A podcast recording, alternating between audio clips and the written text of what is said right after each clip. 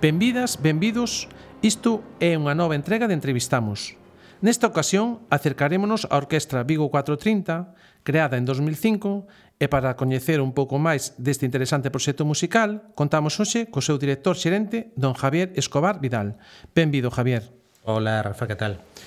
Eh, fálenos un pouco das orixes da Orquestra eh, 430. Bueno, pois pues, as orixes... Eh eh, foron mm, a ver eu estaba mm, naquela época na joven Orquesta Nacional de España e eh, foi sempre un proxecto que, que sempre me seduciu moito pola, pola forma de traballo, polo ambiente que se creaban en aqueles proxectos e como en un período moi concentrado de tempo pois eh, podíase traballar de unha forma tan profunda un programa e logo tocarse con tanta ilusión e con tanta con tan bo resultado, non?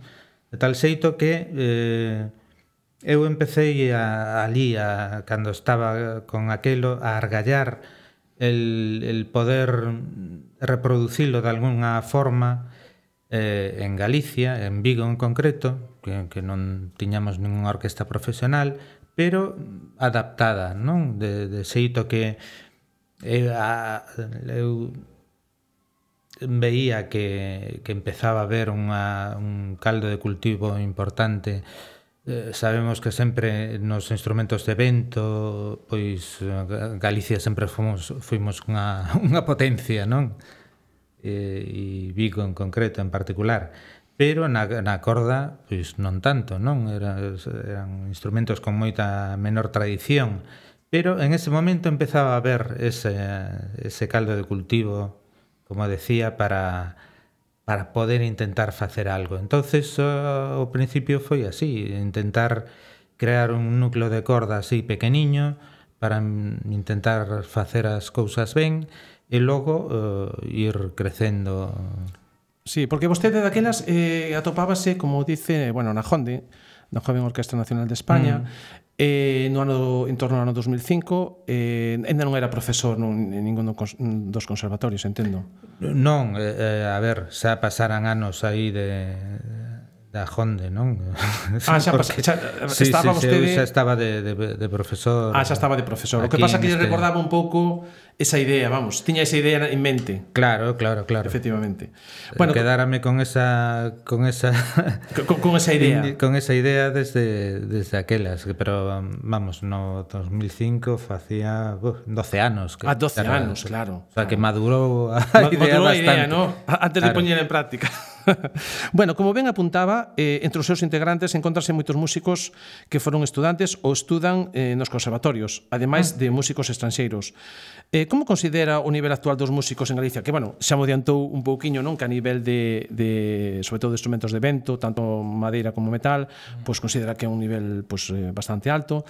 E os de corda, eh, pois, quizás non tan alto, non? Quizás tamén pola tradición, non? De, de, de bandas que temos en España. Exactamente, é pola, pola tradición, pero... Eh, está cambiando eso rapidamente. Temos aí o exemplo de Raquel Areal, que outro día, este domingo pasado, creo, Tocou o concerto de Tchaikovsky sí, de violín de solista coa joven orquesta da, da Sinfónica e vamos, eso é un, un expoñente efectivamente increíble, sí. non? A súa hermana Sara tamén é eh, unha violinista increíble eh, tenemos, temos a, a Cibran Sierra no Cuarteto Quiroga sí. que é unha eminencia realmente no, no eido musical, non? Sí Eh, eu penso que a cousa está cambiando e eh, máis que vai a cambiar. Sí. Pois iso uh -huh. é moi importante, esperemos que sí, sí. que que vexamos todos, non? Ben, eh, é un proxecto eh, que conta con tres liñas de actuación en función do orgánico instrumental empregado. Así temos a orquestra sinfónica, a orquestra barroca e ensembles de música de cámara. Eh, por que esta diversidade? Pois eh, Non sei decirte Quizás para eh, atender eh, porque, a, a, a todos os aspectos non que nos pode ofrecer a música clásica non? É como para sacar o, o maior partido posible No caso dos ensembles de música de cámara eh, Para min é unha parte fundamental, importantísima eh, eh, un, Para min un concerto ideal de música de cámara eh, É o que combina dis, diferentes formacións Non, non solamente que poidas ir a ver un cuarteto de corda, xa está de todo concerto. Sí, efectivamente. Que, Aparte sea, que... senón eh, para min o ideal sería misturar pois un quinteto de, de vento metal con un cuarteto de corda, con claro. algo de piano Para min ese sería o concerto de cámara perfecto, tal como se facía mm, claro. en outros séculos, non? No, e sobre todo no século XX, non? Quero decir que a, a, a estela dos, dos ensembles, non? Quero decir, de formacións super heteroxéneas. Claro. E realmente, bueno, tamén, eh, desde un punto de vista de recursos, pois pues, é moito máis sinxelo, máis factible, eh, pois eh, presentar un programa con pues, eh, de música de cámara, ¿no? Mm. que o que cunha, cun gran orquestra, eso é evidente. Efectivamente, é unha forma de, tamén de aproveitar, non, claro. a versatilidade que dá claro. a formación Sobre todo orquestal. na situación que da que vivimos vivindo. porque era moito máis sinxelo ter cinco músicos no escenario que ter 50, Amén, ¿no? Sí, Tamén é verdad. Bueno, eh E eh, quedoume por responder sí. no tema barroco, sí que nos pareceu importante acercarnos á música barroca eh, pois desde a perspectiva dos da, dos instrumentos orixinais e eh, música históricamente informada eh, desde ese punto de vista o facemos así, por exemplo o último concerto desta temporada de maio uh -huh. vai a ser con esa formación eh, imos a ter además a unha solista increíble que eu uh -huh. recomendo a todo mundo que, que poida ir a velo que, que vaya porque eh, unha oportunidade Pois aí pois iremos ao concerto.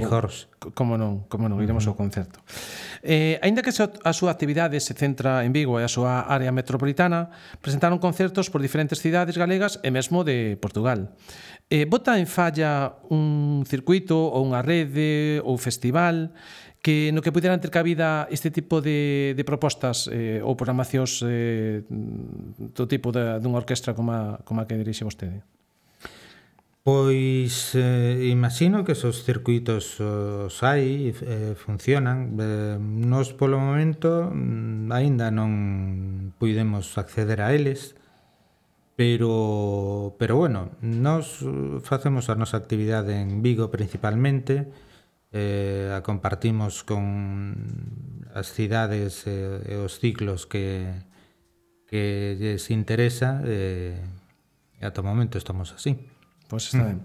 Eh, unha das preocupacións da orquestra é o achegamento da música clásica ao público.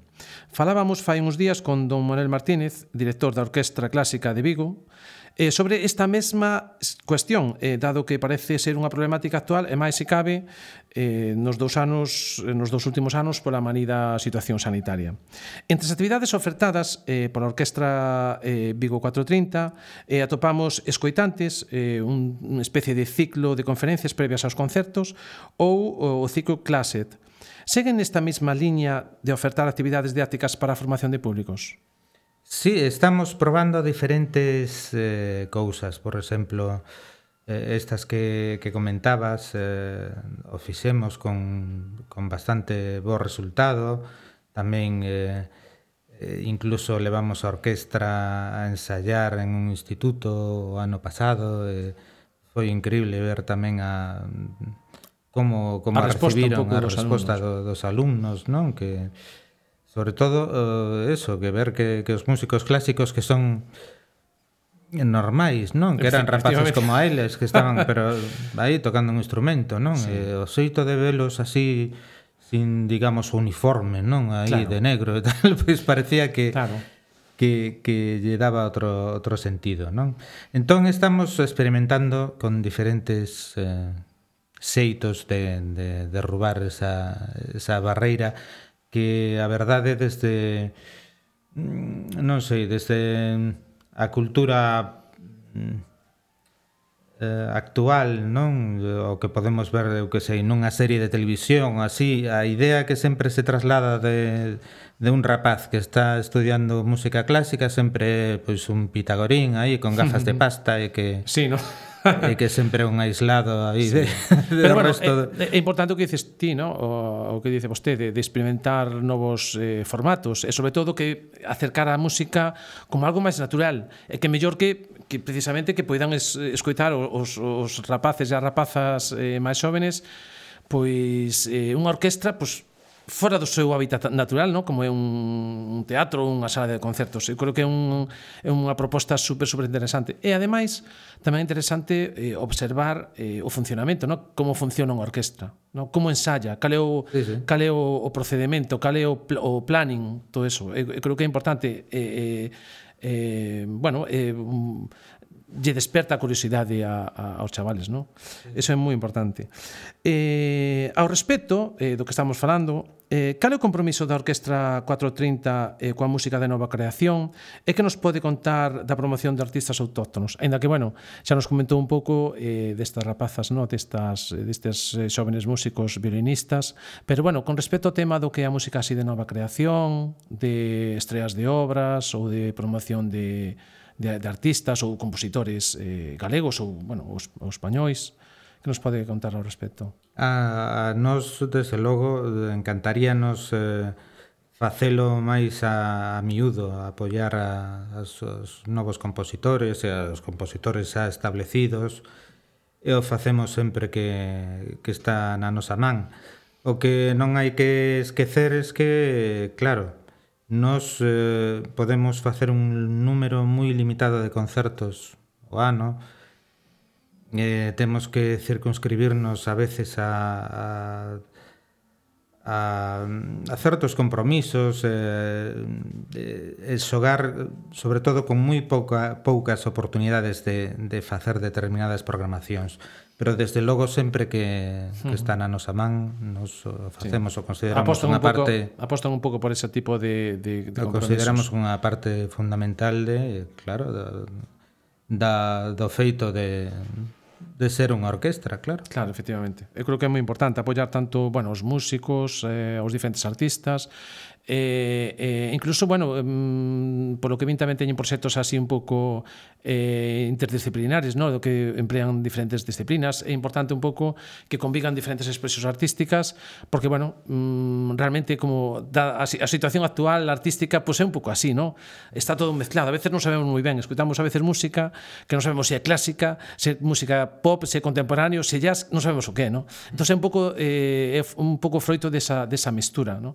Eh, quizás as orquestas teñen que evolucionar un pouco tamén nese aspecto, non? De, de, de probar novos formatos e novas... Eh, extender estender ou expandir un pouco, non? Eh, sí, eh, nos estamos na, na Asociación Española de Orquestas Sinfónicas. Na AEOS, non? Eh, sí, eh, realmente palpas esa, esa preocupación, digamos, esa necesidade, non? De, de estar moi moi atentos a a non desengancharse da, Efectivamente. da sociedade, do público. E do público, mm. claro. Mm. Sí, porque, bueno, temos que recordar que a orquestra, precisamente, a orquestra como tal, a orquestra clásica, que entendemos como orquestra clásica, pois venos da, da, da época clásica, evidentemente, no? e que se ampliou, evolucionou moitísimo no, no, no romanticismo, no?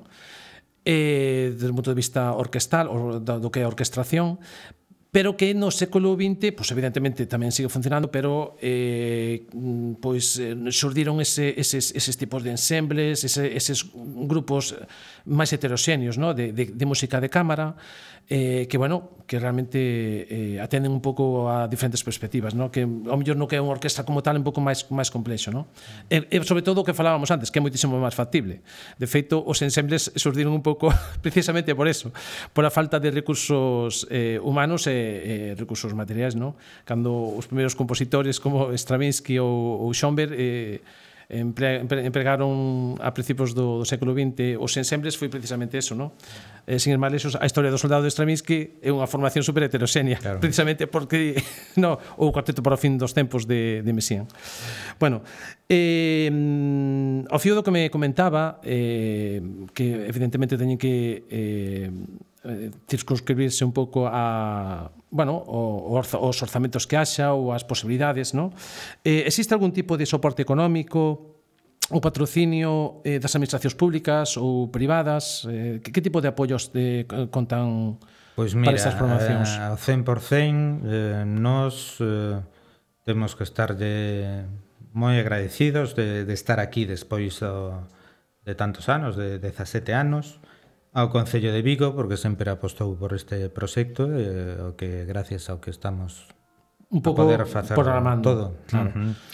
eh, por primeira vez este verán pasado tivemos o apoio da Xunta de Galicia que nos incluiu en un ciclo coas uh, coas tres orquestas máis máis importantes de Galicia con con coa Sinfónica, Sinfónica de Galicia e a Filarmonía de Galicia. Uh -huh Eh, fixemos un, un ciclo de concertos bastante importante por, por toda Galicia. Pero bueno, mm, non sabemos se si, si vai a ser un feito puntual polo ano Xacobeo, se si se vai a prolongar no tempo. En estes momentos, nos, eh, toda a nosa actividade é gracias ao soporte de, do Concello de Vigo. Do Concello de Vigo. Temos é o principal patrocinador, soporte. sí, sí, sí. Temos algún patrocinador privado tamén por primeira vez, como é Opera Prima, que nos está axudando moitísimo a sí, sí. tenda de, de instrumentos musicais. Uh -huh. E, e iso é todo, a verdade, porque é un tema moi complicado. En, é complexo, aquí. e hai que estar loitando todos os anos. Sí, sí, con, con resultado bastante infructuoso, la verdad. É complexo, non? É complexo, sí, sobre sí. todo, cando chamas as portas e a veces eh, non no te escoitan, non? Porque eso é, é complicado. Pero bueno... Eh... Sí, logo ves que, que eso, que hai incluso empresas que empresas moi potentes que apoian moitísimo a música, pero curiosamente a música clásica non, a teñen vetada. Sí, sí. Eh, é unha empresa eh, das máis importantes de Galicia En, en concreto, eso chamoume moitísimo a atención, non sei por que. E quizá entronca por, por esa idea, non, que está enquistada de que eh, sí. igual relacionan con música clásica, non, eso é algo aburrido, entón o público pode relacionar o noso produto que o noso produto non é aburrido. Algo, algo así, algo sí, sí, así, sí. pero vamos. Por eso hai que facerles entender que non é así. Eh, Efectivamente. Eh, que vamos a ver, a música ten moitísimas eh, perspectivas e moitísimas variantes, quero decir, e todas son válidas evidentemente. Sí que é certo que bueno, a música pop, rock eh, eh pois eh pois ten moitísimo público, ¿no? Eh sobre todo, bueno, eh o século 20 foi un pouco o, o boom dese tipo de música, ¿no? A música está máis tonal, máis comercial, pero bueno, eh sí que é certo que que bueno, hai outras propostas que que son perfectamente válidas, eh a veces o descoñecemento delas pois nos fan claro, pois, eh, renunciar eh, es, a elas, esa ¿no? Esa é a clave, que non hai que renunciar a nada para que te gusten prácticamente todos los estilos musicais, para saber mm, coller todo o bo de cada estilo, non? Ti podes ser un fan increíble de Queen, eh, que claro, son eu. Eu. Eh, claro. ou de eh, Prince, ou, de, ou de tantos outros, non? de tantos outros, claro. Es, que, que ten que ver? Eh, que unha cousa non quita outra eh, eh, para precisamente nada. músicos que colaboraron con, bueno, eh, eh, con músicos clásicos, eh, con, con, músicos, quero decir, ves colaboracións de, de músicos de rock con músicos clásicos eh, e viceversa. Quero decir, a música ao final, o importante é a música. Cantos músicos de jazz se inspiraron sí, en... efectivamente. Ah, sí, efectivamente. Efectivamente, ¿no? Sí, sí, sí, sí, é certo. Eh, bueno, nestes eh, comentaba que levan 17 anos, nada máis e nada menos, que, bueno, eh, todo, todo un logro, ¿no? Eh, despois de pasar por tantas eh, tantas situacións, non, de, de bueno, de, de, de, de traballo que, que, bueno, é importante, pois pues eso, eh, esa constancia para conseguir o eh, pois, facer unha programación máis ou menos estable anualmente. Eh, destes dos proxectos todos que teñen presentado, eh, cales destacaría vostede? Mm, hai algún proxecto en especial que, mm, que considere que, bueno, pois este proxecto realmente foi un proxecto co que quedáramos eh, realmente satisfeitos? Digo, hai algún proxecto así neste 17 eh, anos eh, ah. dos que, que presentaran que realmente digan, bueno, pois este é un proxecto que realmente que nos que consideramos que é importante, non? E quedamos realmente satisfeitos. Pois mira, mmm, máis que nada, eu sí que me quedei cos que o mellor non saíron tan ben e quedoume claro que va, mellor por, por ali non seguir e tal pero a verdade, xa non exaxero nada, foron os menos. A, a verdade sempre sempre foron todos moi estimulantes e desde ese xeito pois eh, non tivemos que que renunciar a nada. Moi ben. Eh, Conta, eh, bueno, a orquestra conta co premio Martín Codas de Música na súa edición 2000, de 2014. Que supuxo este premio para a orquestra? Pois en, eh, no seu momento un recoñecemento pois Foi todo moi importante, imagino, claro, claro. Eh? Foi todo unha ledicia, imagino. Sí, claro, claro, claro, porque non, non esperábamos a verdade que que tivéramos ese, ese recoñecemento a, a nivel xeral así de, de Galicia. Sí, claro. eh, en aquel momento pensábamos que estábamos máis máis máis máis fora un pouco aquí a... dos, dos circuitos. Claro, sí, sí, máis claro. eh, que non se coñecía tanto o que facíamos ou non se valoraba tanto.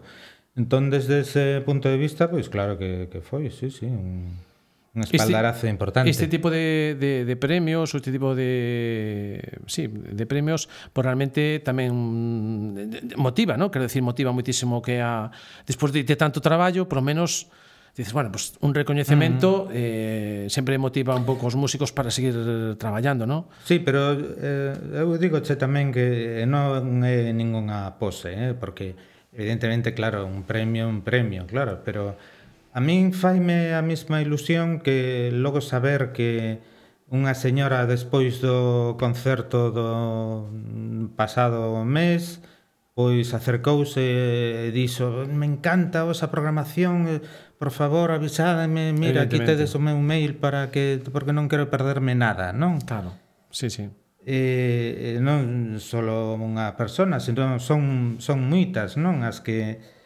cada vez eh, pois nos transmiten que gustalles moitísimo a, a nosa proposta, non? Uh -huh. Como se sucede en cada temporada, cada un dos proxectos, eh, e a variedade dos mesmos e todo.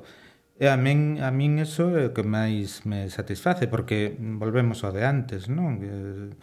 Supón que, que estás conectado co, coa xente, co público. e que o que faz, pois, pois fai un sirve para algo, non? Claro, evidentemente. Eh, contenos un pouco sobre a tempada actual, que, bueno, penso que xa está casi a punto de rematar, non? Porque, bueno, quedan estamos, dous concertos. Quedan dous concertos. cinco. Eh, entonces, bueno, eh, unha vez que remate esta tempada, imagínome que, bueno, estarán, non sei se xa traballando na próxima sí. programación, mm, imagínome que será eh, eso que están a, a, a traballar. Eh, eh, non sei se nos pode adiantar algo eh, de, de algún proxecto ou, ou de proxectos eh, nos que estén pensando ou, ou traballando. Non sei se non pode adiantar, ou quere que sexa unha sorpresa total. non, non é por, eh, por ser unha sorpresa. A ver, Nos xa, claro, eh, temos programado toda a temporada que ven, toda 2023, porque ten que ser así, o sea, cando se queren traer xente moi boa, solistas vos, eh, realmente vos, pois hai que falar con eles pois un, sí, con un ano de antelación como mínimo, non? Porque sí. senón nada. Pero hai unha cousa que mm, nós temos que, mm, digamos, corresponder ao Concello de Vigo con esta exclusividade. Claro, evidentemente. entón, eh, teñen que ser eles que, quienes fagan que nos anuncio un pouco. Eh, o que che podo adiantar, pois nada, que eh, que é unha boa noticia tamén para a cidade, que se recupera a ópera ah, con, en, con mayúsculas, non? Nos levábamos moitos anos traballando con Porque, amigos feito, da ópera de Vigo. fan colaboracións, non? Con esta con, con óperas da Levamos, levamos moitos anos colaborando con amigos da ópera de Vigo, unha colaboración moi vamos, para para nós eh, estupenda, estamos felicísimos de poder facer ópera con eles, con tal como organizan e tal como a plantexan. Vamos, é unha simbiosis moi moi interesante que se dá con eles. E este ano, despois destos dous anos de, de pandemia en que, que eles su, sufriron moitísimo, hasta temeron por, pola súa supervivencia, pois eh, volveremos, volveremos a facer ópera con gran orquesta encima de, do escenario e, e seguiremos coa, coa nosa programación. Tamén este verán estaremos de novo na segunda edición do, do Vigo Jazz Class. Sí, sí. Eh, que é outro festival que eu penso que vai a ir para arriba, esa primeira edición foi un éxito. E, e nada, seguir con a nosa programación, temos como sempre preparado, vamos, desde o meu punto de vista, uns programas interesantísimos, e, O sea que temos garantizada a programación para o ano 2023. Sí, no, sí, sí. Bueno, eso, eso é importante, eso é importante. Claro. Bueno, pois pues eu non teño nada máis que, que, que preguntar, non sei se quero añadir unha, unha cousa ou non, Sim, simplemente a meu o único que me queda é eh, pois, pues, eh, darlle moita, as grazas, desexarles moitos éxitos a vostede e a Orquestra Vigo 430, evidentemente.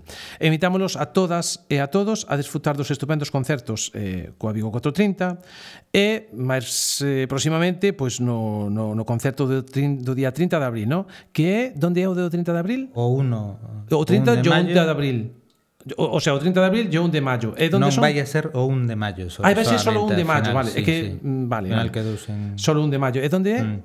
É ser no Auditorio do Concello. No Auditorio do Concello. Pois pues eso, o día 1 de maio no Auditorio do Concello co programa As aventuras do Príncipe Ahmed. E nos despedímonos E non deixedes de escoitar as nosas próximas entregas en Entrevistamos, un espazo de diálogo coa música.